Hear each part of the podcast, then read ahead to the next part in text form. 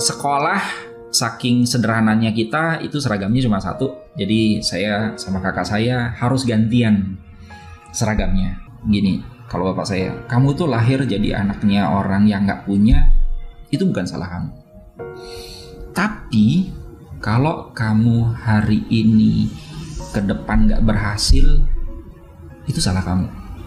Uh, orang pada teriak-teriak lindu lindu lindu itu gempa lindu lindu lindu lindu. Ke toko begitu sampai toko itu udah lemes gitu. Jadi benar-benar kayak kayak persendian tuh lepas semua. Hanya sampai satu menit. Hilang pada titik-titik tertentu itu istilahnya kamu kamu dalam kondisi lemah kamu sampai nggak berkuat dan bersandar di tembok tapi tembok rumahmu pun nggak ada ya kamu akan selalu nemuin lantai untuk bersujud.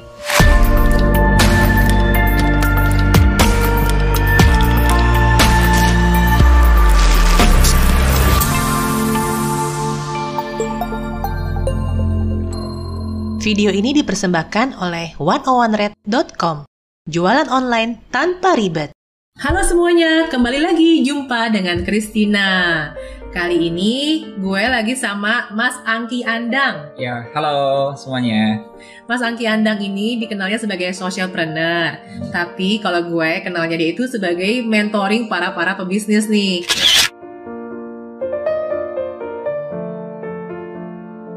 Bahkan kalau lo kalian inget ya Lung Lung yang dokter mobil yang kemarin gue interview hmm. itu salah satu mentornya adalah Pak Angki ini, hmm. Mas Angki, Mas Bro. Mas bro.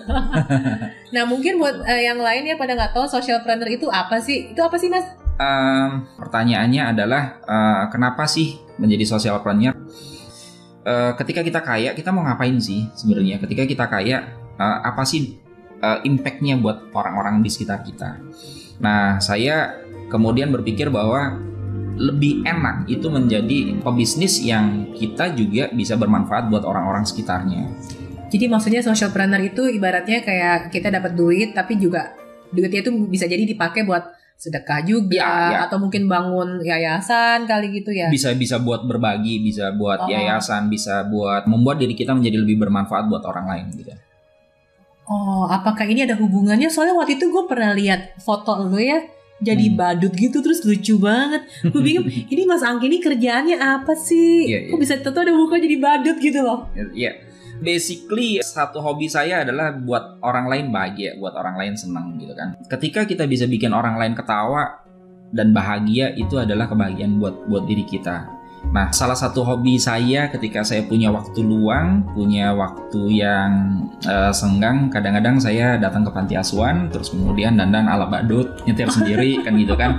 Terus kemudian datang ke sana dan kita udah udah udah bercanda-canda di, halo halo, apa kabar nih? Kita udah udah pakai gaya badut yang sebadut-badutnya dan kemudian anak-anak di panti asuhan pada bengong gitu, ketip, ketip, ketip gitu. Itu keringat mulai mengucur dengan deras kan gitu kan dan akhirnya uh, bahagia bener ketika melihat mereka ketawanya pecah gitu kan. Nanti akan sedihnya pada saat kemudian setelah mereka ketawa mereka akrab terus kemudian peluk-peluk kemudian kita kasih balon kita kemudian kasih uh, apa permen kemudian baru pada saat kita pulang karena harus pindah ke panti asuhan lainnya mereka kemudian baru nangis kan gitu kan. Nah nggak boleh pulang. nggak boleh pulang oh. gitu kan. Karena ada seseorang yang care sama mereka bahwa ketika mereka di panti asuhan nggak punya ayah dan ibu, mereka nggak punya orang tua, ada seseorang yang memperhatikan walaupun itu segera memberikan gift sebutir permen atau hmm. uh, satu satu buah balon gitu loh buat mereka. Hmm. Gitu. Kegiatan lain salah satunya saya membangun namanya Yayasan Hozi Zora. Zora itu artinya bintang yang bertaburan di langit. Wow. Waktu itu ada ceritanya dengan dengan saya pernah bangkrut uh, karena gempa tapi nanti akan ada ceritanya sebenarnya tapi ah, gempa di mana? di Bantul. Oh lu orang deket-deket situ deket Jogja? Deket-deket Jogja. Nah nggak pernah ngebayangin kalau saya pernah mau bunuh diri gitu ya. Gila nggak kebayang lah. Uh, gimana ya? Kadang-kadang kalau cerita kayak gitu tuh ada flashback gitu saya sebenarnya berasal dari keluarga yang ordinary banget, orang Indonesia banget. Um, saya itu delapan bersaudara. Oke. Okay. Kalau orang-orang zaman dulu itu kan makin banyak anak makin banyak rezeki kan. Mas nah, anak keberapa? Saya anak delapan. Oh paling bungsu ya. Dan tujuh adalah cowok. Satu itu cewek. Sulung. Yang paling pertama cewek. Paling pertama cewek. Hmm. Jadi tujuh itu kita hobinya berantem. Dan keluarga kita adalah keluarga yang saya dilatih untuk tidak ngomong kata negatif. Jadi saya nggak mau berkata bahwa saya miskin, tapi kita dari keluarga yang amat sangat sederhana. Sekolah saking sederhananya kita itu seragamnya cuma satu. Jadi saya sama kakak saya harus gantian seragamnya. Jadi kalau kakak saya itu eh, seragamnya itu dia berangkat pagi, saya kan berangkat siang. Jadi kalau kakak saya molor pulangnya, saya otomatis berangkatnya telat. telat. Sebaliknya juga begitu gitu nah kalau bayar SPP itu saya bisa tiga hari dua hari sebelumnya uh, harus cari daun pisang atau ngejar-ngejar ayam untuk kemudian ditangkap untuk dijual. Atau kalau enggak saya bantu ibu saya itu uh, keluarin batik kain batik atau keluarin pecah belah jadi terus kemudian pegadaian jadi uh, bapak saya adalah guru, ibu saya itu adalah seorang wanita yang tangguh gitu kan membesarkan anak-anaknya.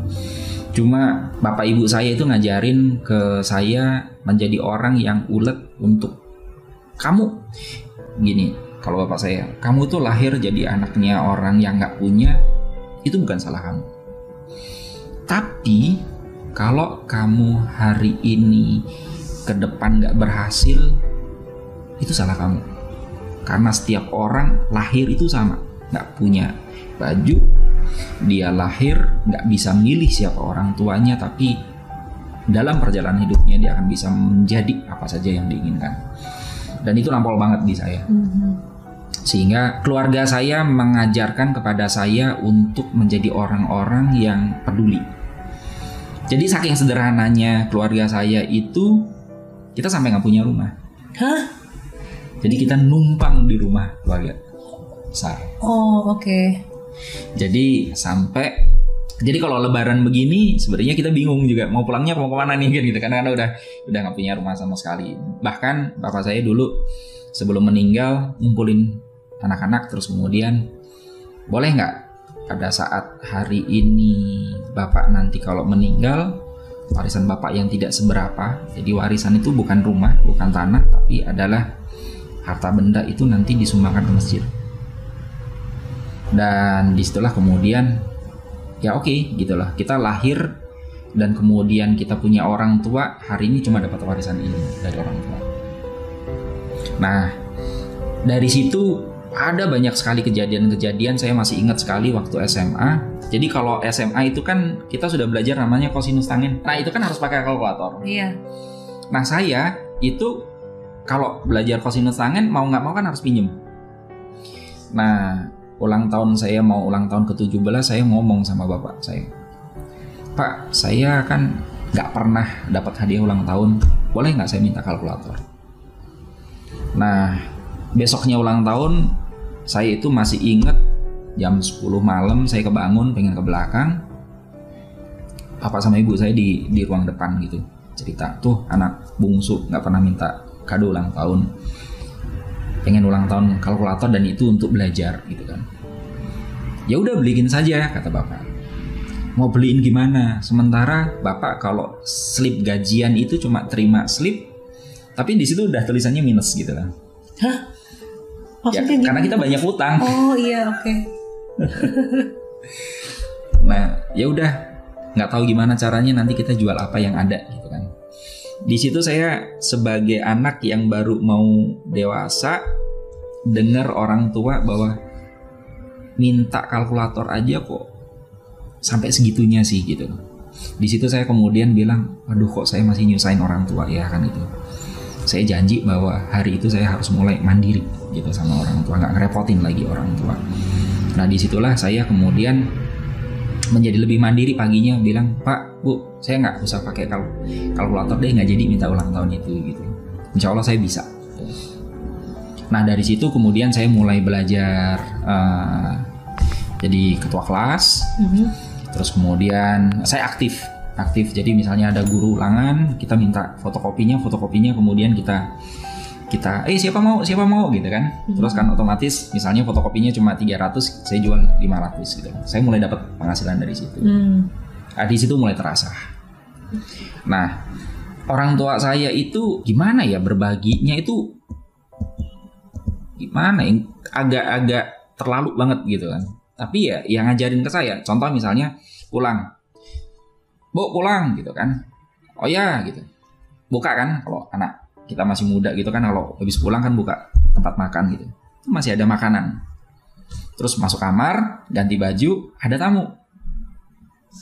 Begitu ada tamu kasih yang juga sama bapak ibu ditawarin tamunya udah makan belum? Gitu kan. Oh, udah nggak apa-apa yuk makan ditawarin makan. Padahal saya ngerti bahwa itu lauk dan nasi satu-satunya yang kita punya ditawarin sama tamu. Begitu tamunya pulang Terus kemudian Pak Bu makan apa? Ya udah habis gitu kan. Cari lagi. Terus saya kemudian masih masih nggak habis pikir gitu loh. Kenapa sih harus begitu gitu? Ya memuliakan tamu kan.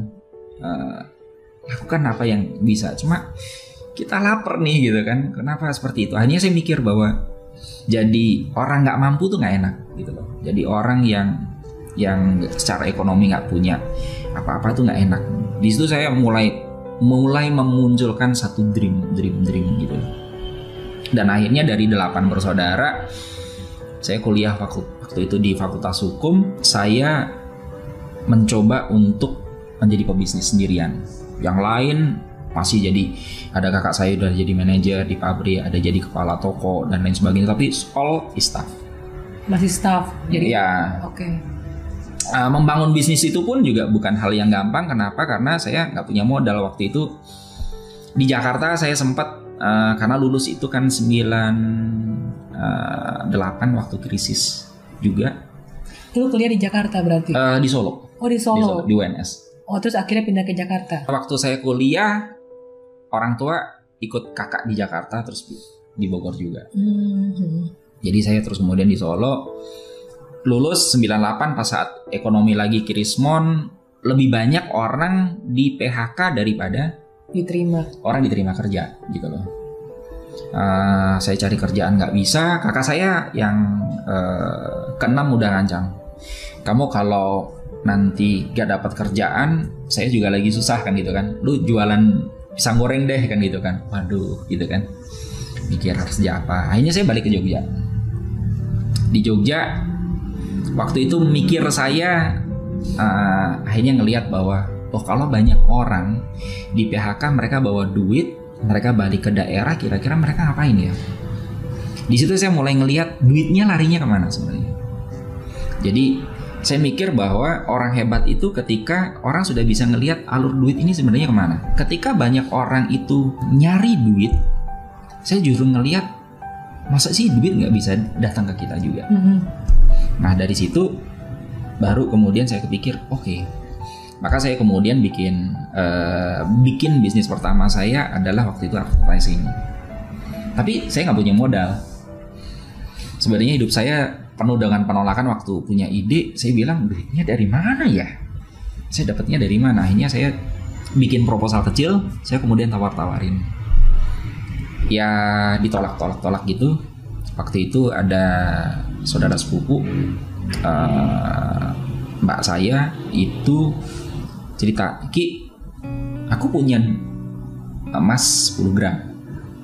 Tapi ini tabungan untuk anak saya kalau dia nikah. Kalau kamu nanti bisa balikin balikin emas saja. Oke siap. Saya kemudian akhirnya dapetin 10 gram emasnya. Saya jual masih ingat 975 ribu waktu itu 500 ribu buat bangun sewa toko yang 275 untuk alat sablon yang 200 untuk hidup. Hmm. kenapa? Karena di Jogja basically nggak ada. Saya memang mulai bener-bener start itu modal dengkul. Nah di situ saya kemudian coba saya cari order. Pertama cari order waduh ke mana nih? Kan gitu kan. Hmm. nah saya nawarin cari orang. Nawarin kartu nama nawarin kartu nama. Tapi saya waktu itu belum bisa nyablon bener-bener modal nekat doang. Nggak ngerti nyablon gimana cuma saya mikir nih duit datangnya larinya ke situ cuma nggak ada peluang udah mudah mulai aja dulu iya mulai aja dulu gitu kan. Terus akhirnya saya naik bis saya sempat ke Beringharjo juga saya kemudian cari saya dapat orderan kartu nama. Orderan kartu nama itu saya tawarin sepuluh ribu. Nah karena nggak bisa nggak bisa apa ngerjain saya lempar ke orang lain.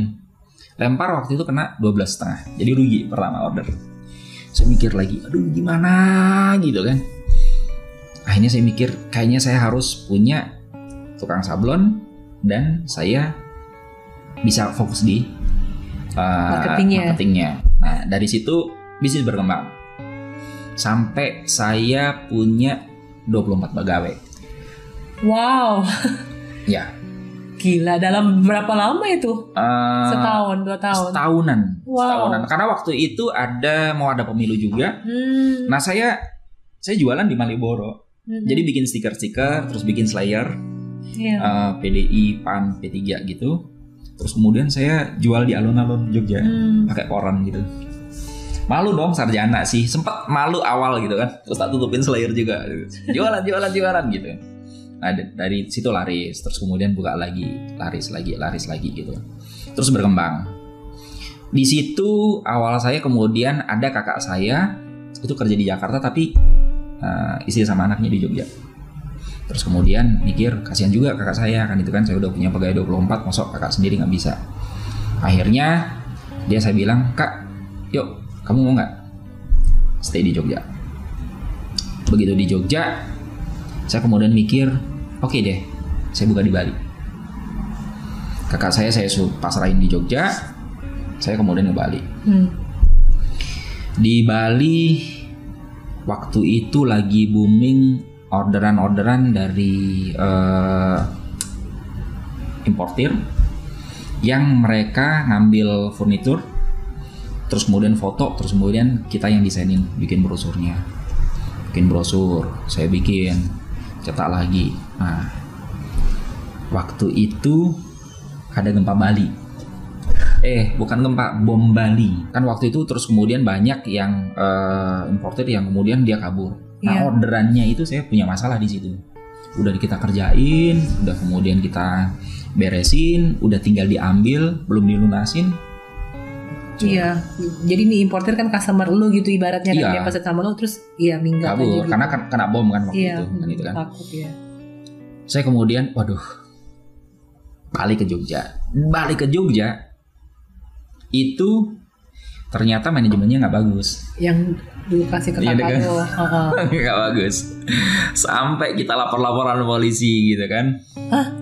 Ya, yes. ya gitu deh. Ada karena ada ada duit order terus kemudian uh, kakak saya merasa belum nerima sementara customernya nerima dari adminnya juga wah udah pokoknya miskomunikasinya udah udah udah ya. berabe lah di situ saya bilang bahwa pelajaran pertama saya jangan pernah ninggalin bisnis yang itu belum tersistem belum ada SOP-nya belum ya? ada SOP belum kejelasan ada report dan lain sebagainya sampai kemudian sudah kita habis sama saudara bisnisnya habis akhirnya lapor-laporan polisi sampai kita mau sempat sumpah pocong. Jadi ini akhirnya lu berantem sama kakak lu sendiri. Iya, iya.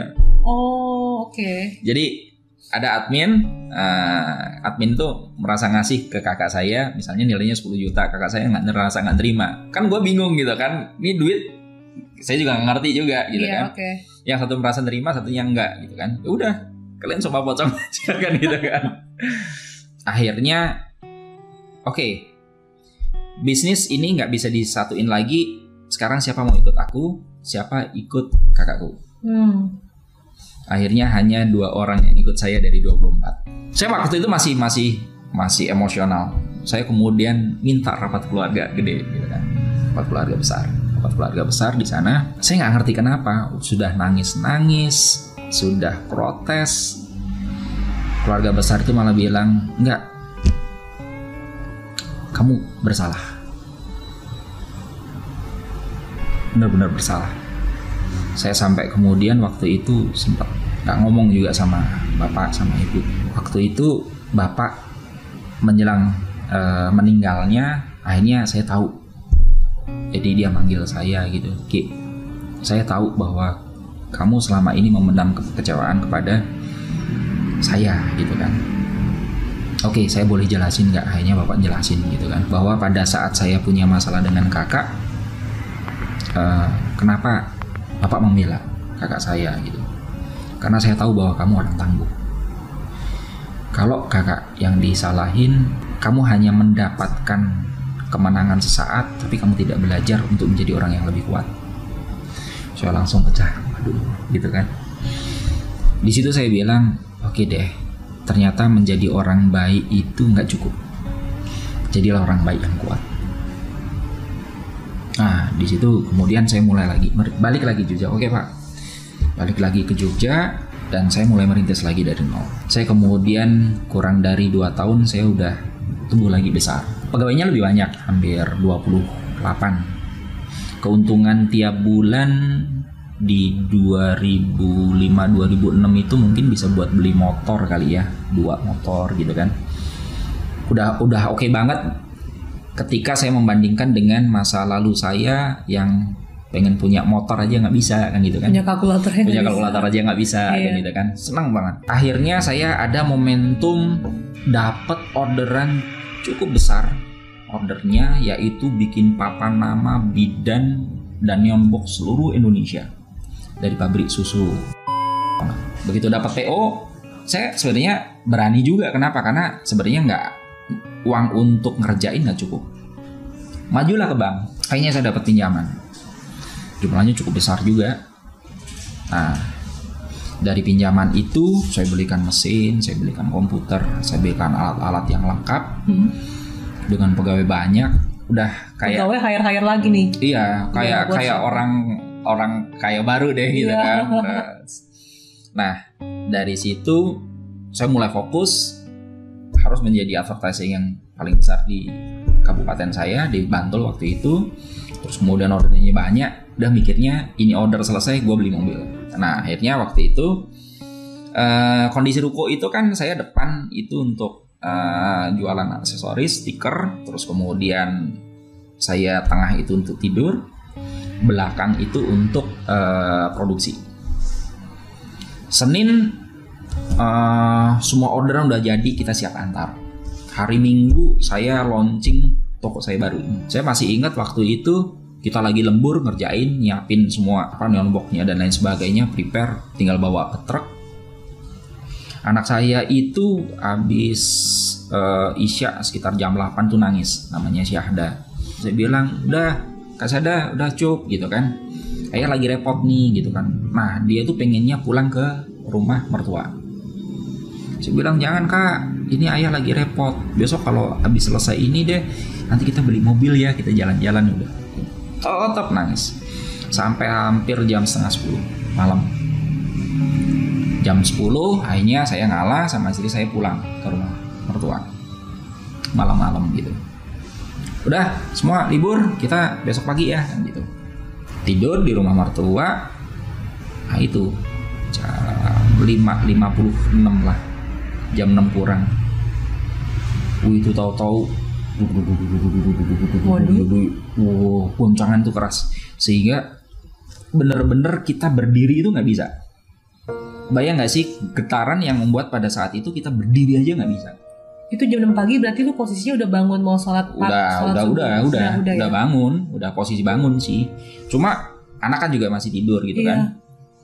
Terus kemudian uh, orang pada teriak-teriak lindu lindu lindu itu gempa lindu lindu lindu lindu terus kemudian udah saya tarik anak gendong itu sambil lari itu udah genteng itu udah pada jatuh jatuh jatuh jatuh gitu terus begitu kita keluar bro udah rata hah ngepas pas lu keluar itu rumah rata. Iya. Rumah mertua lu. Iya. Nah, rumah mertua itu kan kebetulan modelnya kayak limas gitu. Nah, sehingga dia temboknya rata tapi nggak hancur banget cuma apa gentengnya juga pada jatuh. Kejatuhan genteng lah dan lain sebagainya.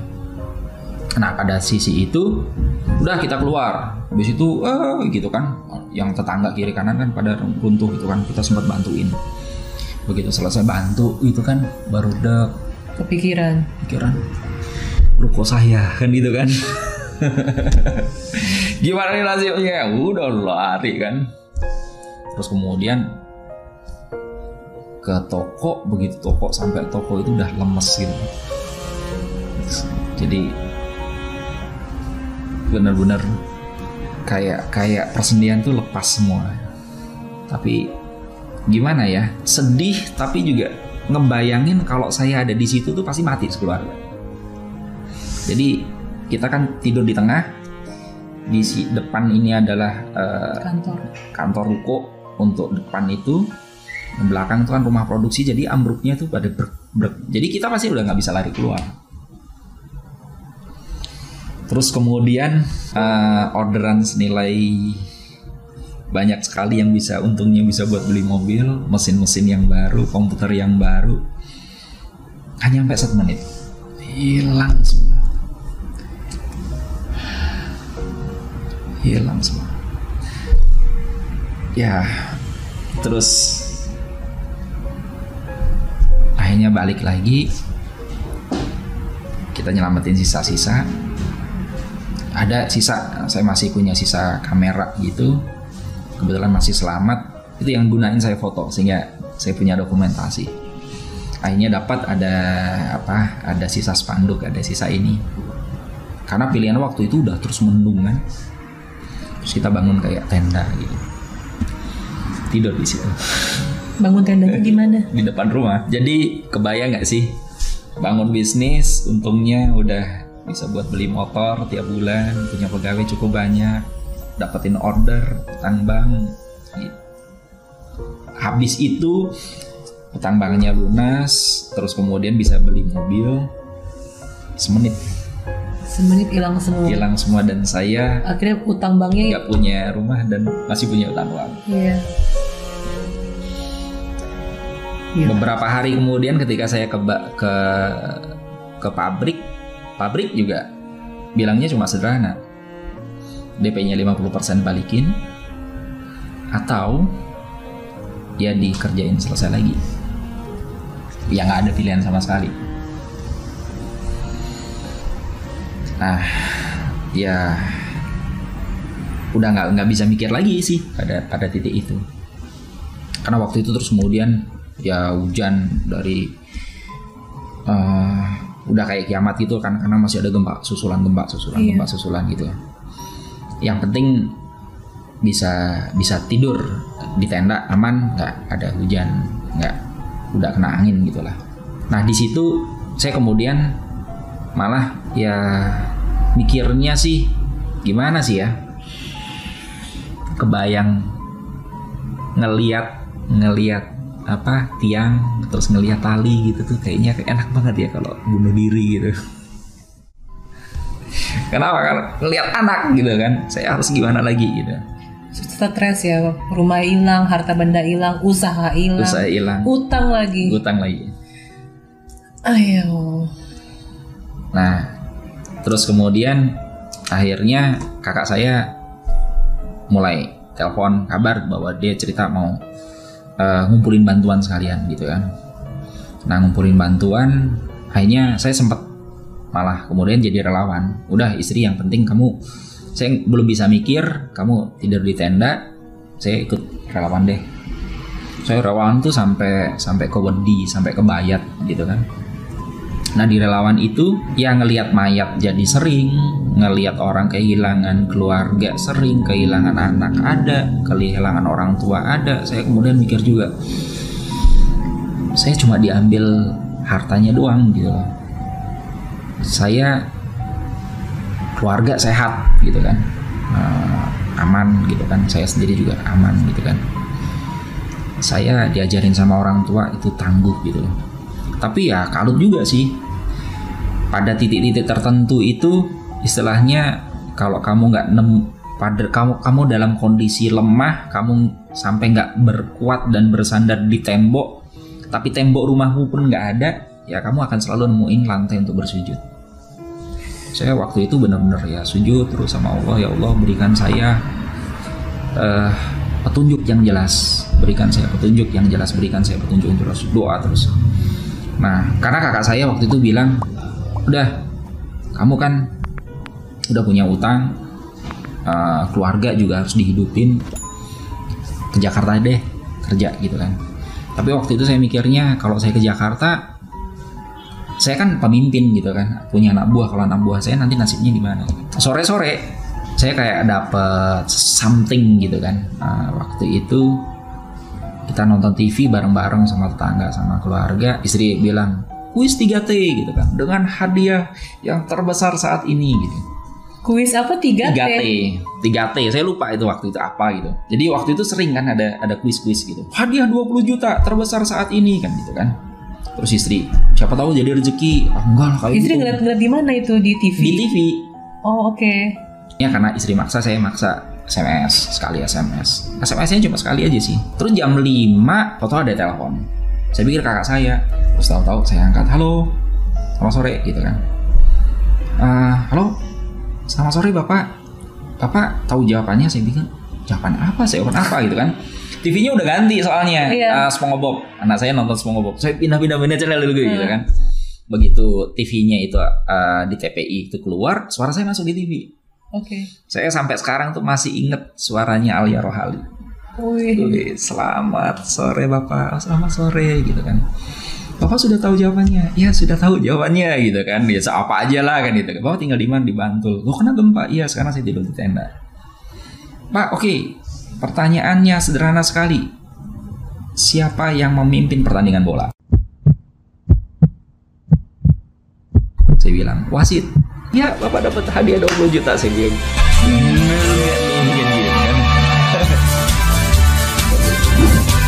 Kan kan gitu kan. 20 juta. Terus akhirnya jangan ditutup ya Pak, kan gitu kan. Terus kemudian Iya. disuruh nyiapin berkas-berkasnya dua minggu dapat telepon suruh cek rekening ya kebayang nggak sih dapat rekening gitu kan eh, 15 juta. Kan dipotong 25 persen. Ibaratnya lu udah sujud doa terus ya ada aja gitu ya Dikasih, jalannya ya bener-bener dikasih. dikasih ya. Wow. Nah dari situ baru mikir ini bisnis apa ya kan gitu kan? Udah karena kan modal nih ya ada modal tapi ini bisnis apa ya? Bisnis apa kan gitu kan? Oh ya dulu kan nerima orderan misalnya stiker nerima gantungan tapi kan sifatnya pesanan 15 juta ini gimana kalau saya buat itu tapi produknya saya masal saya bikin stiker kan ada Hello Kitty dan lain sebagainya kalau dulu kan eh, biasa saya kemudian bikin itu banyak sekalian nah terus kemudian lu masih di Jogja nih apa lu udah ke Jakarta masih di Jogja, Oke, masih oke. di Jogja. Terus kemudian waktu itu saya akhirnya bikin jumlah banyak, saya kemudian mulai titipin, titipin tapi di luar kota. Jadi saya nitipin ke Solo, nitipin kemudian ke ini ke beberapa daerah yang yang nggak kena gempa. lu nyari channelnya gimana itu bisa bisa atau nitip nitipin iklan di internet kah atau Enggak, enggak Manual banget. Saya datengin satu toko demi satu toko. toko-toko yang emang kayak jualan Ya, jadi gitu pernah ya. pernik. Oh. Saya bikin kantongan kunci, bikin stiker gitu kan. Dari situ kemudian ternyata it works gitu kan. Jadi saya nitip misalnya nilainya 200 ribu atau 300 ribu, ternyata kemudian laku 150. Oke, saya banyakin gitu. Akhirnya saya bisa masuk Gramedia juga, Hmm. saya bisa masuk ke Carrefour juga gitu. Dengan masih manual dengan sistem. Jadi cuma ya hidupnya penuh dengan penolakan. Kenapa? Karena orang mikir kamu nitip apa sih kan gitu kan? Masuk stiker doang, masuk fancy doang gitu kan, gantungan kunci doang. Tapi it works. Bahkan sekarang masih jalan juga. Sebagian saya punya sekarang hampir 6.700 tempat yang saya titipin. Pulau Jawa Gila sama langsung Sumatera. sampai banyak gitu mungkin dari satu toko dia juga ngasih-ngasih lagi kali ya? Ya kayak Gramedia gitu kan, kemudian kan ke beberapa tempat Wow. gitu kan. Channel distribusi gitu kan. Bisa nembus Gramedia, bisa nembus ke Carrefour, lu ke Carrefour terus atau Ya ketemu, ketemu. tanya mau ketemu dong sama Uh, bagian uh, bagian pengadaan terus kemudian Oh. saya punya barang produk seperti ini seperti ini seperti ini Oke. sampai sekarang pun di Malioboro itu kita produksi uh, gantungan kunci kertas-kertas gitu nah gantungan kunci itu setiap setiap hari kita bisa produksi hampir sampai 2000-an piece setiap hari Wow. 3000 gitu Gila ya perjalanan hidupnya Mas Anggi tuh luar biasa banget ya. ya alhamdulillah Bener-bener. Uh, kalau saya sih sebenarnya nggak nggak nggak pernah merancang hidup saya seperti apa gitu oh. cuma cuma mikirnya do the best aja sih gitu loh do the best uh, karena jadi bayangin untuk bisa dapetin satu toko itu saya ternyata setelah bikin rata-rata itu 12 sampai 13 toko itu nolak dari 13 toko satu toko cuma satu toko yang terima. Iya. Nah, jadi uh, bener-bener struggle ya pilihannya saya harus harus berhasil gitu kan. Apalagi itu waktu itu modal itu yang saya merasa bahwa itu yang ngasih adalah Allah gitu kan Tuhan. Yeah. ya, iya. karena saya saya berdoa ke sana. Jadi ada banyak kejadian-kejadian lucu sampai uh, waktu itu ada ada orang lamar ke ke saya uh, Pak misi Pak. Saya mau ngelamar gitu. Mas kita bukanya produksi gitu. Mm -hmm. uh, ya produksi juga nggak apa-apa gitu. Tapi saya uh, rumahnya cukup jauh gitu kan. Terus gimana? Uh, kalau bisa nginep di sini boleh nggak pak? Wah di sini nggak ada penginapan ya. Pilihannya nanti mas gini aja deh. Mas uh, jadi marketing gimana? Jadi nanti dari rumah juga bisa langsung terus kemudian bisa jualan juga gitu, -gitu kan. Mm -hmm. Tapi ini pak oh, saya nggak punya motor. Terus dia cerita bahwa dia sendiri adalah anak yatim piatu tinggal di rumah sendirian kan gitu kan. Saya bilang udah mas gini aja. Ada nomor telepon nggak? Nanti bisa saya hubungin gitu kan. Saya doa lagi ya Allah ini ada orang kasihan. Pengen dapat kerjaan. Kok uh, apa bisa saya nggak bisa nerima sih gitu kan. Kok saya dikasih kemudahan untuk saya nerima? Itu masih ingat juga malam minggu hmm. saya ajak uh, keluarga sama anak jalan-jalan waktu itu ada pameran buku. Saya beli waktu itu bukunya 37.500, dapat dua buku. Terus dari dua buku itu kan bisa nukar setiap kelipatan 25.000 itu dapat satu kupon. Hmm. Saya seharusnya dapat cuma satu kan. Terus sama mbaknya, Mas ini tak kasih dua nih gitu kan, nanggung gitu kan. Oh iya makasih. Terus bismillah semoga dapat hadiah gitu kan. Maghrib saya pulang ke rumah, jam 8 saya dapat telepon lagi. Halo, selamat malam Ya, Bapak tadi beli buku. Iya. Kuponnya masih disimpan. Iya. Selamat Bapak dapat hadiah motor gitu kan. Hadiah utama. Oh, ampun. Gitu. Saya mikir lagi. Ini kok bisa sih saya dapat hadiah utama kan gitu kan? Ternyata saya masih ingat, oh iya, kan saya doain kan iya. itu kali yang doain orang yang yang yatim piatu yang dia pengen kerja juga gitu. Terus kemudian uh, saya beresin seminggu kemudian motornya datang saya telepon sama orangnya mas kamu masih udah dapat kerjaan belum belum dan kemudian akhirnya dia kita terima kerja dengan motor baru jadi sampai di keluarga saya akhirnya saya saya itu dibilang Mister Bejo gitu. Mister apa Bejo? Bejo. Jadi orang yang selalu beruntung gitu. Jadi pernah satu momen itu saya nggak pulang ke rumah eh, nggak uh, ketemu sama ibu itu hampir tiga tahun. Waktu itu kan lagi lagi pas bangun-bangun awal ngerintis usaha. Tapi udah udah udah galau udah mikir kenapa? Karena kalau lebaran pulang sama orang tua itu kan pengennya ngasih juga gitu kan. Mm-hmm. akhirnya mampir ke rumah kakak yang di Kerawang. Rumah kakak Kerawang kan saya hobi mancing. Kakak saya ajakin yuk mancing gitu kan. Udah mancing dapat ikan banyak gitu kan terus habis selesai mancing saya pulang. Tahu-tahu dipanggil gitu. Waktu mancing tuh sebenarnya udah aneh. Banyak orang nyorakin. Setiap saya dapat ikan disorakin lagi. Saya dapat ikan gede disorakin lagi. Ternyata itu mancingnya lomba. Dan lu gak tahu? Itu sih nggak ngerti. Karena dibayangin sama kakak saya. Oke. Okay. dan waktu itu dapat hadiah amplopan itu tiga setengah juta beneran Bejo. Mister Bejo. Tapi kalau dibilang beruntung ya lu kena bencana juga. Eh ya. tapi waktu itu posisinya lu udah punya rumah lagi akhirnya. Akhirnya rumah ya terus kemudian kita mulai bangun pelan-pelan gitu kan. Di Jogja. Di Jogja. Tapi berarti dari bencana itu juga banyak hikmahnya juga ya. Maksudnya banyak. sampai mungkin ini juga yang akhirnya membuat lu bikin Hozi Zora tadi ya. Hozi Zora ini sebenarnya awalnya adalah waktu itu kan setelah gempa kan banyak anak-anak yang kemudian putus sekolah nggak bisa ngelanjutin karena kondisi orang tua dan lain sebagainya. Waktu itu uh, keponakan saya kan dia kuliah di Asian Pacific University di Jepang. Di sana terus kemudian nggak kita bisa nolong nggak sih uh, mereka untuk bisa bantu sekolah? Iya mas. Perasaan makin banyak sih anak-anak yang sekarang ngemis ngamen gitu kan. Padahal kan mereka harusnya sekolah gitu kan. Nah akhirnya di waktu itu di Jepang saya tanya di Jepang sebenarnya apa sih yang yang paling wow di mereka? Gini gini mas. Ponakan saya cerita kalau di Jepang itu sekali makan itu bisa seribu yen. Itu seratus ribu. Ya kurang lebih sekitar seratusan yeah. ribu. Nah terus kemudian padahal kalau untuk anak SD kan bisa buat bayar SPP sebulan kan gitu kan yeah. bulan gitu kan. Oh, yaudah yuk bikin gerakan seribu yen gitu kan. Nah dari situ kemudian akhirnya eh, keponakan saya sama teman-temannya ada Mbak Wenda yang sekarang ada di Australia terus kemudian ada Mbak Reiki sekarang ada di Kanada terus kemudian ada Mega waktu itu uh, dia di di Jepang juga di apa kerja juga di Jepang.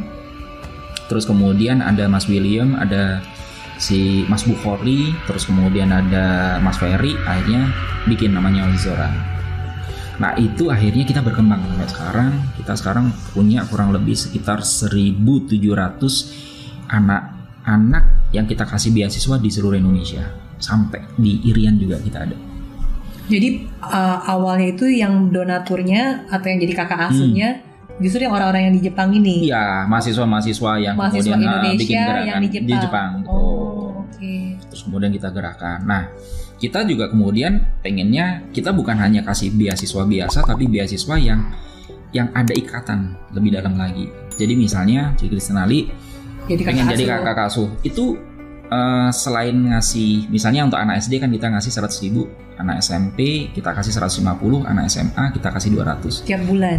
Tiap bulan. Mm -hmm. itu uh, Cik Kristenali harus kasih surat juga nulis kamu semangat ya kan gitu terus kemudian cita-citanya seperti apa? Yuk biar bisa terwujud seperti apa? Terus beasiswanya dipakai buat apa? Sehingga ada satu open. Adik bintangnya pun juga bikin surat. Oh ini sebutannya adik bintang. Adik bintang, adik bintang kakak bintang. Sama kakak bintang. Jadi kalau anak asuh tuh kayaknya gimana gitu kan? Uh, jadi kita pengen bahwa mereka adalah besar sebenarnya buat mereka sendiri. Dan kakak bintang adalah kakak kakak yang the star buat menginspirasi kehidupan. Dan uniknya adalah uh, ada mulai kayak punya pattern. Jadi kakaknya itu kuliah di Amerika, adiknya sekarang ada juga yang dapat beasiswa di Amerika. Jadi kakak asuhnya di Amerika, karena adik adiknya dapat beasiswa juga di Amerika. Oh. Nah, kakaknya di Jepang, adiknya juga dapat beasiswa di Jepang. Jadi kayak mereka itu bener-bener ngopi orang-orang yang mereka inspirasi. Gitu loh. Gue kok merinding ya yeah. dengarnya kayaknya nice banget gitu loh. Iya. Aduh, gila. Ya. Dan kalau kita datang ke rumah mereka, itu nggak kebayang bahwa itu masih ada di Indonesia. Uh, orang tuanya itu buruh yang uh, maka nggak tahu ya. Pendapatan mereka mungkin sampai saat ini itu cuma 500 ribu per bulan. Itu bisa buat apa sih? Dan anaknya itu cerdas-cerdas. Justru mereka adalah anak-anak yang hari ini rata-rata di tempat kita itu uh, ranking 10 besar. Mereka dapat beasiswa, mereka pintar-pintar Padahal secara ekonomi luar biasa. Kita nggak kebayang bahwa mutiara anak Indonesia itu justru lahir dari orang-orang yang notabene mereka nggak punya, tapi mereka struggle-nya kuat. Saya belajar banyak dari mereka sebenarnya gitu loh. Jadi saya nggak ngerti kita dari Holizara itu ngasih mereka atau mereka sebenarnya memberi banyak ke kita gitu loh. Hanya 100 ribu tapi inspirasi mereka menguatkan menguatkan kita untuk bahwa kita harus lebih hebat lagi buat mereka gitu. Dari sisi itu yang kemudian saya menjadi gempa ini menjadi saya malah justru punya quantum leap. Jadi setahun setelah saya gempa, akhirnya saya bisa beli mobil pertama saya. Amin. bahkan saya di 2008 eh, saya akhirnya ikut lomba namanya Wirausaha Muda Teladan Berprestasi Nasional. Menang lagi nih pasti. Menang. Menang dan saya kemudian uh, waktu itu dapat dapat hadiah. Permodalan lagi. Uh, enggak sih waktu itu akhirnya saya kemudian ikut uh, dikirim ke Cina. Hmm. Jadi kayak semacam short course kursus uh, selama dua bulan di sana ada sekolah namanya China ASEAN Youth Exchange Leaders. Di situ saya kebetulan pas dikirim pas waktu itu ada Olimpiade Beijing saya termasuk salah satu pemuda Indonesia yang bisa pegang obor replika Olimpiade di Beijing juga. Lu pegang obor Olimpiadenya ya, Beijing? Iya replikanya. Oh replikanya, replikanya. tapi tetap aja. Tetap aja. Waktu Bangga itu di, di, di bersama dengan 10 pemuda dari negara China dan ASEAN. Gila gitu. luar biasa. Dan sampai sekarang, alhamdulillah uh, tiap tahun kita dapat achievement dari nasional maupun internasional. Akhir tahun kemarin saya diundang lagi ke China dalam bentuk komunitas namanya China ASEAN Youth Exchange Leaders. Saya menjadi salah satu outstanding alumnus. Gitu. Wow. Mas Angki, kok sekarang kayak nama lo itu bisa tenarnya di kalangan para pemain UMKM ya, UMKM hingga UKM. Yep. Hmm. Itu gimana ceritanya sih? Saya akhirnya paham bahwa yang paling utama itu sebenarnya ada ada empat pola dalam bisnis. Mm -hmm ini ini berdasarkan pengalaman saya pribadi. Jadi bisnis itu biasanya yang pertama patternnya adalah dia ownernya bermasalah, bisnisnya bermasalah. Hmm. Ini yang paling berat sekali. Paling ini ini biasanya di kode merah di saya. Kode merah itu artinya apa? Udah ownernya punya masalah, bisnisnya juga bermasalah. Hmm. Yang kedua, ini masuk di kode kuning lah. Ini adalah ownernya bermasalah tapi bisnisnya nggak bermasalah. Jadi ownernya bermasalah ini ketika dia punya gaya hidup, dia uh, konsumtif, sebenarnya bisnisnya menghasilkan. Tapi karena disedot oleh pola dari ownernya, akhirnya bisnisnya jadi ikutan bermasalah. Bisa juga ownernya bermasalah ini karena misalnya dia bermasalah dengan pasangan. Hmm. Jadi kebayangkan, misalnya uh, dia sama partnernya atau pasangannya bermasalah, berantem terus. Kira-kira bisnisnya yang sebenarnya nggak ada masalah pasti akan kesedot energinya. Iya. Nah, yang ketiga ini adalah ownernya nggak bermasalah, tapi bisnisnya yang bermasalah. Jadi ownernya tuh paham, wah gue harus harus belajar lagi nih, gue pengen di mentoring lagi nih, gue pengen lebih tumbuh lagi, tapi bisnisnya bermasalah.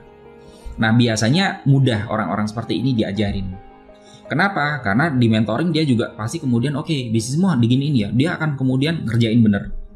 Dikasih PR dia akan ngerjain. Yang paling enak ini kalau di level keempat ini punya menti yang ownernya nggak bermasalah, bisnisnya juga nggak bermasalah. Kita kebetulan saya sama Coach Dania kalau men, uh, mentoring itu klien kita alhamdulillah uh, hampir 90% karena Allah juga karena Tuhan itu growth-nya cepat sampai kita punya klien hanya dalam waktu kurang lebih sekitar 8 bulan itu dari omset 1,6 miliar sekarang udah naik per bulan itu jadi sekitar 6,8 miliar. Wow. Gitu. Cuma karena ngebenerin salah satunya aja ya kalau nggak bisnisnya, ownernya yes. gitu ya. Yes, yes. Tapi kita juga mensistemasi bisnis mereka. Jadi sebenarnya bottlenecknya ada di mana? Ketika di ownernya kadang-kadang kita memakai konsep seperti hipnoterapi, kita menterapi dia. Jadi dia ada mental block. Contoh misalnya kita punya klien yang yang bisnisnya tuh setelah dia di angka satu setengah m dia benar-benar mentok nggak nggak bisa naik terus kemudian kita tanya lo kenapa? Kan itu akhirnya dia paham bahwa angka 2 m itu adalah itu berat. to be true lah. Oh, ini ini ini susah gitu kan. Oh, impossible. Nah ini kita benerin. Setelah kita benerin nggak cuma hanya bilang bahwa kamu bisa gitu. Kita nyemangatin kan nggak nggak motivasi iya. gitu doang. Tapi kita juga cara bisanya itu karena begini begini begini. Ini dia naik growth. Terus ada juga kita punya klien yang dia berantem terus sama pasangannya. Ya kita benerin kalau energi itu seperti ini pola bisnis itu seperti ini kita juga punya klien yang dia punya banyak reseller kita kumpulin semua resellernya agen-agennya terus setelah kita kumpulin kita kemudian training mereka selama dua hari dalam workshop. Ini lo cara naikinnya bisnisnya. Kenapa bisnis kamu nggak maju seperti apa? Kenapa kamu jadi agen omsetnya segitu-segitu aja? Kenapa kamu jadi distributor omsetnya segitu-segitu aja? Nah akhirnya klien jadi growth. Kenapa? Karena mesin uangnya jalan di situ. Nah jadi saya sekarang deket sama teman-teman UMKM. Kenapa? Karena saya paham bener bahwa Indonesia akan lebih kuat ketika banyak teman-teman ini growth bisnisnya dan memang saya senang dengan punya passion berbagi ilmu. Kenapa? Karena kejadian ketika saya gempa itu bawa duit nggak bisa dibawa mati gitu loh. Jadi yang bisa kita bawa mati itu adalah ilmu yang bermanfaat. Nah sehingga akhirnya saya kemudian share ilmu kepada mereka juga nah ini ini ini ini poin sehingga akhirnya saya menjadi seorang mentor yang juga selain punya bisnis juga membangun bagaimana teman-teman punya punya bisnis yang bagus. Kenapa? Karena dasarnya hanya ada empat. Bisnis itu polanya ada empat pilar. Satu, kalau mereka itu masih awal, genjot aja di sales marketing. Mm-hmm. Jadi mereka gimana caranya mereka jualan, mm-hmm. udah jualan. Tapi kalau ketemu sama saya biasanya kita kasih value lu jualan tapi jangan membual kan gitu kan. Hmm. Lu jualan tapi jangan bohong. Hmm. Lu jualan tapi jangan pura-pura omset lu sekian biar kemudian banyak orang tertarik, tapi bener-bener karena produk kamu diperbagus gimana, kualitasnya dibaikin hmm. gimana. Nah, ketika mereka sudah bisa jualan, omset mereka tinggi, masuk level kedua. Ini tantangan terbesar. Kenapa? Keuangan. Banyak pebisnis sukses itu karena punya kemampuan di kedua ini. Tapi banyak pebisnis gagal kenapa? Karena di sini. Kenapa? Banyak orang bisa dapetin duit tapi banyak orang nggak bisa pelihara duit. Hmm. Jadi begitu mereka udah omsetnya udah tinggi, yang kebayang mereka ngapain? Rubah gaya hidup, yeah. mobilnya harus baru, rumahnya harus keren, jam tangannya harus oke. Okay. Akhirnya mereka masuk pada level gengsi. Biasanya cepat hancur. Kenapa? Ya itu tadi ownernya akhirnya bermasalah, sementara bisnisnya nggak bermasalah. Akhirnya ini ini pilar kedua yang harus dipahami adalah namanya finance. Ngatur nih duit, bahwa duit dalam bisnis ini bukan hanya duit kamu aja, tapi ini duit perusahaan yang kamu juga harus save untuk pertumbuhan bisnis. Kemudian ada R&D, kan gitu kan. Nah, yang ketiga, ini pilar ketiga, biasanya teman-teman UMKM lemah di sini lemah di sini itu apa? Yaitu mereka biasanya operasionalnya nggak begitu bagus. SDM segala macam. Belum, belum. belum ya? SDM di pilar keempat. Pilar keempat, oke. Okay. Jadi misalnya mereka sebenarnya jago jualan tapi produk mereka nggak bagus. Hmm. Nah di operasional ini mereka mulai fokus untuk mulai memperbaiki ada apa quality control, ada kemudian perbaikan-perbaikan gitu. Nah si, di pilar operasional ini biasanya omsetnya itu oke, okay, tapi bagaimana naikin laba? Kenapa? Karena ada efisiensi. Nah pada saat efisiensi ini, ini udah muncul di situ. Hmm. Apa tuh efisiensi muncul? Uh, omsetnya bisa sama tapi untungnya makin gede. Hmm. Karena makin efisien. Contoh uh, di bisnis mereka rejectnya makin sedikit. Hmm, ya. Ya contoh misalnya, ben, iya, iya. Misalnya uh, udah ngirim, tapi operasionalnya salah kirim alamat, salah tulis alamat, sudah ke sana atau salah kirim uh, pesanan. Jadi udah dikirim, dikomplain, kok saya pesannya warna ini, padahal saya kan pengennya warna lipstiknya ini kan gitu kan siapa yang nanggung? Karena kesalahan kita, kita kan iya, kita. Ungkir, apa, ya. Waktu ya. komplain dan lain sebagainya kita harus ngirim ulang dan lain sebagainya. Nah itu gerus bisnis, gerus margin kita. Nah yang keempat ini yang biasanya uh, banyak di teman-teman UMKM uh, apa ya? Unsur manusia. Iya. Tapi karena mereka memang problemnya nggak bisa ngerekrut, nggak bisa didik, nggak bisa uh, mensistemasi polanya. Ini setiap orang itu punya pola sukses dan pola gagal. Jadi gini, uh, kalau saya wawancara, misalnya saya cerita, loh sebelumnya kerja di mana? Hmm. Kerja di sini, di ABC dia sebutin. Kok keluar? Nah di situ kita udah langsung lihat dia pada saat cerita keluar itu nyalain bosnya nggak? Iya nyalain, nyalain perusahaan nggak? Iya. Gitu kan? Nah di situ udah kelihatan dia punya pola sukses atau punya pola pola gagal udah kelihatan di situ. Ada banyak teknik dalam rekrut misalnya kita lagi rekrut admin yang di akuntansi. Kadang-kadang saya pura-pura jatuhin bolpen, kutik gitu. Dia cuma ngeliatin lirik gitu. Oh ini bener nih. Kenapa? Karena orang admin tuh malah justru uh, face-nya itu malah justru tenang, tidak mudah terpengaruh. Kalau saya cari orang administrasi keuangan, nilainya dia bagus, tapi begitu saya pura-pura jatuhin bolpen, dia terus langsung ambil. Ini malah nggak bagus. Oh gitu ya? Ya kan, dia jadi orang iya. terlalu care. Oh. Kebayang kan kalau misalnya dia ditaruh di administrasi keuangan terus kemudian staff yang lain eh bondong kira-kira ke distract gitu ya Eh gimana misalnya sih? misalnya dia mau Oh, bond. mau kasbon. Kira-kira akan dikasih apa enggak? Iya. Iya kan? Iya, iya, iya. Tapi kalau misalnya dia orangnya cuek gitu kan, kaku, dingin gitu kan, ketika di admin finance ya itu pas. Gila lu bisa baca orang tuh berarti ya? Iya. Gue dibaca semua tadi. Sampai-sampai kayak gitu. Jadi detail banget di sana.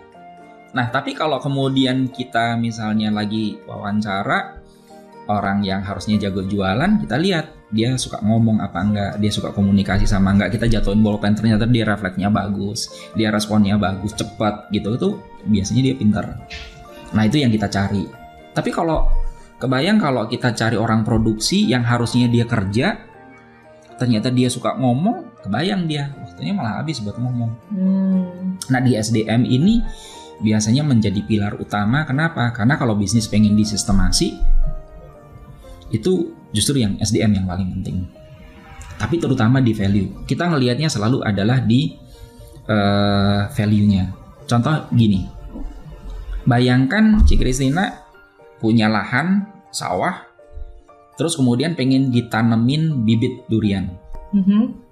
Bibit Durian, durian. Oke, suka durian? suka. Oke, durian. Terus nggak usah milih bibitnya, tahu-tahu langsung tanam aja. Hmm. Terus kemudian disiramin, dipupuin, dirawat, dipelihara. Tahu-tahu begitu nongol, ternyata duriannya adalah durian yang jelek. Hmm. Padahal sudah lima tahun dipelihara, Iya, dirawat, ya udah buang waktu.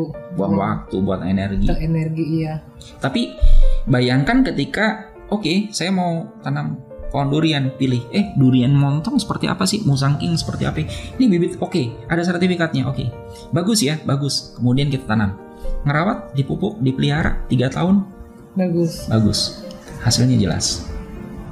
Jadi ini berarti kita ibaratnya mesti tahu cara ngerekrut orang yang tepat dulu sebelum kita sampai Ya, bina. Jadi ya betul, mementingkan attitude dulu bisa dibilang ya. betul, betul sekali. Sama sih kalau gue lebih milih orang yang secara attitude oke ketimbang yang pinter banget tapi Yes. belagu gitu. Ya, kenapa? Karena eh, ini ini poin paling penting gitu loh. Dan dan justru sekarang eh kita mungkin karena karena lebih banyak ke ada Instagram, ada FB kita ngelihat orang tuh hanya di tampilan dia kelihatan good looking apa enggak, dia oke apa enggak. Kalau saya lihat langsung eh, begitu interview saya ngelihat FB-nya apa. Statusnya galau-galau nggak? Galau-galau nggak nih orangnya seperti apa kan langsung ketahuan gitu kan. Iya iya iya. iya. Berarti lu juga bisa kenal sama si Lung Lung yang dokter mobil kemarin. Yep. Jangan-jangan lu juga yang mentoring lagi SDM-nya ya? Yes, yes. Eh sebetulnya bukan mentoring secara penuh sih karena Mas Lunglung sama Mas Riki itu juga termasuk salah satu guru saya. Saya belajar banyak sama banyak orang. gitu Saling-saling- kan. Saling- saling sama- sharing sama- ilmu saling. ya. Eh, nah, dua tahun yang lalu kebetulan kan memang kita mentoring beberapa kali saya datang ke dokter mobil. eh, terus kemudian kita nanya, Mas Riki, Mas Lunglung, kalau dokter mobil dengan pertumbuhan seperti sekarang, kira-kira setahun lagi, dua tahun lagi cuma akan ada berapa bengkel Hmm. gitu loh. Tapi kalau misalnya kita percepat, nanti duitnya dari mana? Dia bilang ya dari investor. Terus hasilnya gimana? Ya kita cari. Terus gimana cabangnya? Ya kita sistemasi, standarisasi gitu kan. Yuk kita buat challenge. Nah ini ya kita challenge bahwa dalam dua tahun ini kita bertumbuh eh, menjadi 100 cabang dokter mobil. Di situlah kemudian sampai kenapa sekarang kita hanya dalam waktu kurang lebih dua bulan kita udah buka lagi empat bengkel. Wow. Dalam eh, nanti kita juga setelah Lebaran ini kita akan buka lagi tiga bengkel gitu. Nah ini yang yang kita sistemasi sama kita standarisasi bersama-sama dengan Mas Lunglung sama Mas Riki sama Kordania juga. Berempat kita hari ini fokus eh, targetnya Insya Allah em, kita pengennya sih kurang dari lima tahun akan jadi unicorn baru di Indonesia. Coba buat yang nggak tahu unicorn, unicorn itu Nah. apa sih? unicorn Iya, unicorn. itu udah ada tanduknya. Udah ada tanduknya. Unicorn itu istilah startup yang udah Ya, apa kita- sih? ya, Iya, kita nanti akan terus kemudian akan eh, open ke publik juga kita akan ke publik juga sehingga eh, pada prinsipnya sih bangun bisnis nggak gampang tapi juga nggak sulit banget selama kita tahu ilmunya sebenarnya itu oke kok it works apalagi dalam sekarang itu pattern pola itu kebaca banget pola seseorang di pola gagal atau pola seseorang di pola uh, sukses itu kelihatan sekali. Kayak gimana polanya? Hmm. Apakah pola orang sukses itu mesti susah dulu gitu? Oh iya ya. Kayaknya uh, di di video kalau kalau ini sering ya. Iya. Gak, harus bangkrut dulu gitu. Harus apa bangkrut dulu apakah masih bangkrut dulu? Kayak kesian banget sih. Gue gak ah. bakalan sukses kalau belum bangkrut gitu kesannya. Uh, enggak juga sih. Biasanya orang-orang yang sudah ngalamin bangkrut dia akan sampai pada level loh yang bangkrut itu sebenarnya hampir semua orang bangkrut. Ngalamin kegagalan. Bagi saya bangkrut itu bukan berarti bahwa dia kehilangan segalanya tapi bangkrut itu dia ngalamin satu kegagalan. Kegagalan entah itu bukan oh, anything iya, apa pun. nggak mesti duit lah. Uh, kita punya keluarga gagal berkeluarga iya. itu gagal.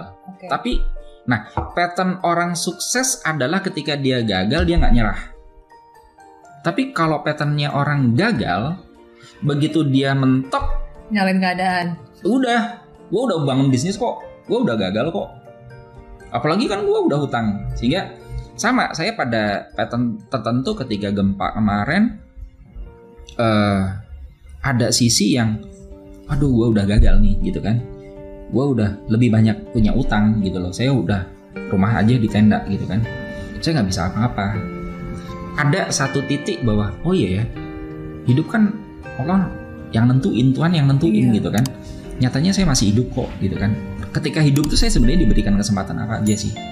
Nah di situ saya kemudian bilang pasti ada cara pasti ada cara gitu loh. Tugas saya akhirnya saya merasa bahwa tugas saya nyoba.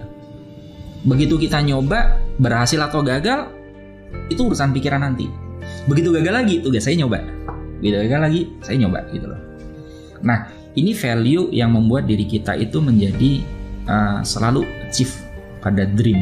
Nah, agak unik ketika saya juga di dokter mobil ini saya melihat dream Mas Riki, Mas Lunglung ini kuat sekali. Dan ini attract setiap orang. Termasuk saya. Ada yang nanya, "Kamu nyari uang ya?" Enggak.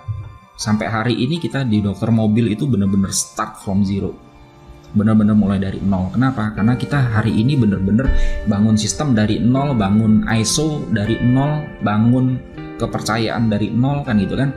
Semakin banyak investor, kita nggak berubah pola hidup, tapi kita justru menjadi semakin prihatin gitu. Kalau kata Ricky bilangnya gini, kita siap kok makan Indomie gitu loh. Wih, lu siap, bini lu siap kan? bini lu siap. Bini lu, Nah itu kita kita punya punya punya beberapa lapis sih. Iya. Gitu kan. Okay. Artinya saya saya hari ini datang ke Jakarta mulainya dari nol. Benar-benar dari nol. Artinya saya tidak membawa bisnis saya yang ada di Jogja, saya memulai menjadi Angki. Hari ini bahkan uh, saya sebenarnya udah nolak sampai bulan Mei ini ada tujuh klien. Tujuh klien yang minta di mentoring. mentoring, oh. saya tolak. Karena saya pengen fokus di dokter mobil gitu loh. Jadi dokter mobil ini kita benar-benar fokus membangun. Kita pengen dokter mobil ini. Kenapa? Karena saat ini otomotif itu adalah industri besar. Dipunyai oleh Toyota, dipunyai oleh Daihatsu, pemilik-pemilik iya. yang besar bisa nggak sih kita hari ini bukan image-nya pengen mengalahkan tapi pengen mengedukasi. Maka kalau di dokter mobil itu selalu ada namanya domotur. Domotur. Domotur. Hmm. Dokter mobil tour itu artinya kalau customer datang itu makin pintar tentang mobil. Mereka tahu ini oli yang bagus, mereka tahu pelayanan yang bagus di dokter mobil. Nah, domotur inilah yang kemudian menjadi pembanding kita bahwa itulah value kita. Minterin customer Semakin customer cerdas kita makin senang. Kenapa? Karena mereka nggak akan lagi komplain tentang biaya yang harus dikeluarkan untuk di dokter mobil. Karena udah tahu perintilan-perintilannya Perintilannya akan seperti apa, iya. biaya yang dikeluarkan seperti apa. Kenapa? Karena hari ini begitu di dokter mobil ada uh, general check up, itu kayak Tigris Sinali badannya nggak enak, ngeluh, terus kemudian datang dokter, oke, okay, sekarang cek darah dulu ya, setengah jam, terus langsung keluar kolesterol HDL-nya berapa, iya, totalnya yeah, berapa, terus kemudian diabetesnya berapa, uh, gula darah, terus kemudian asam urat, itu udah keluar semua. Dokter mobil kita juga punya mesin sehingga begitu kita cabang di dokter mobil sama semua diagnosanya. Kenapa? Karena itu by mesin, by teknologi gitu loh. Nah inilah yang kemudian kita pengen cerdaskan customer. Semakin customer di Indonesia itu cerdas, justru semakin di dokter mobil kita berhasil pada sisi edukasi. Oke Mas Angki, uh, gila itu sih perjalanan hidup lu tuh bener-bener kayak apa ya? Bener-bener memperlihatkan kebesaran Tuhan itu benar-benar nyata. Betul. Terus juga semoga juga bisa menginspirasi apalagi uh, amin, banyak amin. banget lagi bencana ya belakangan ini ya. Hmm, hmm, hmm. Bahwa seorang Mas Angki aja juga asal kita gigih gitu ya. Hmm, hmm. Ya kan? Yeah. Gigih tuh selama lu masih mau coba dan Betul. lu yakin Tuhan pasti bantu, itu pasti akan ada aja jalannya. Hmm. Mungkin dari Mas Angki mau ada penutup okay. juga. Um, saya nggak tahu kenapa sebenarnya nggak nggak bukan tipe orang yang sukses saja. Kenapa? Karena saya sekarang saya merasa bahwa kesuksesan itu adalah proses perjalanan kita menjadi lebih baik. Jadi hari ini saya nggak ngerti apakah saya ke depan akan menjadi lebih berhasil atau kemudian diuji pada sisi turun gitu loh. Tapi saya meyakini bahwa uh, do the best gitu kan. Uh, saya ngalamin bencana, gempa, terus kemudian letusan gunung Merapi, Merbabu, uh, Kelut kemarin juga sempat sampai debunya itu sampai sebel gini. Wow.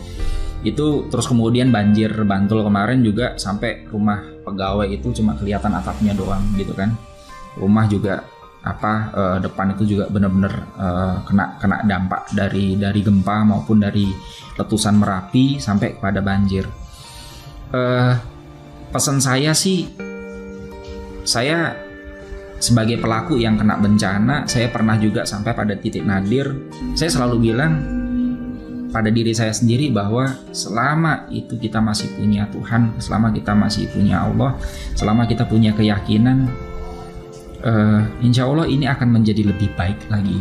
Selama kita mau bertumbuh nggak ada masalah yang kecil gitu masalah itu benar-benar akan kecil ketika kita membesarkan diri kita dan kita dekat sama Tuhan.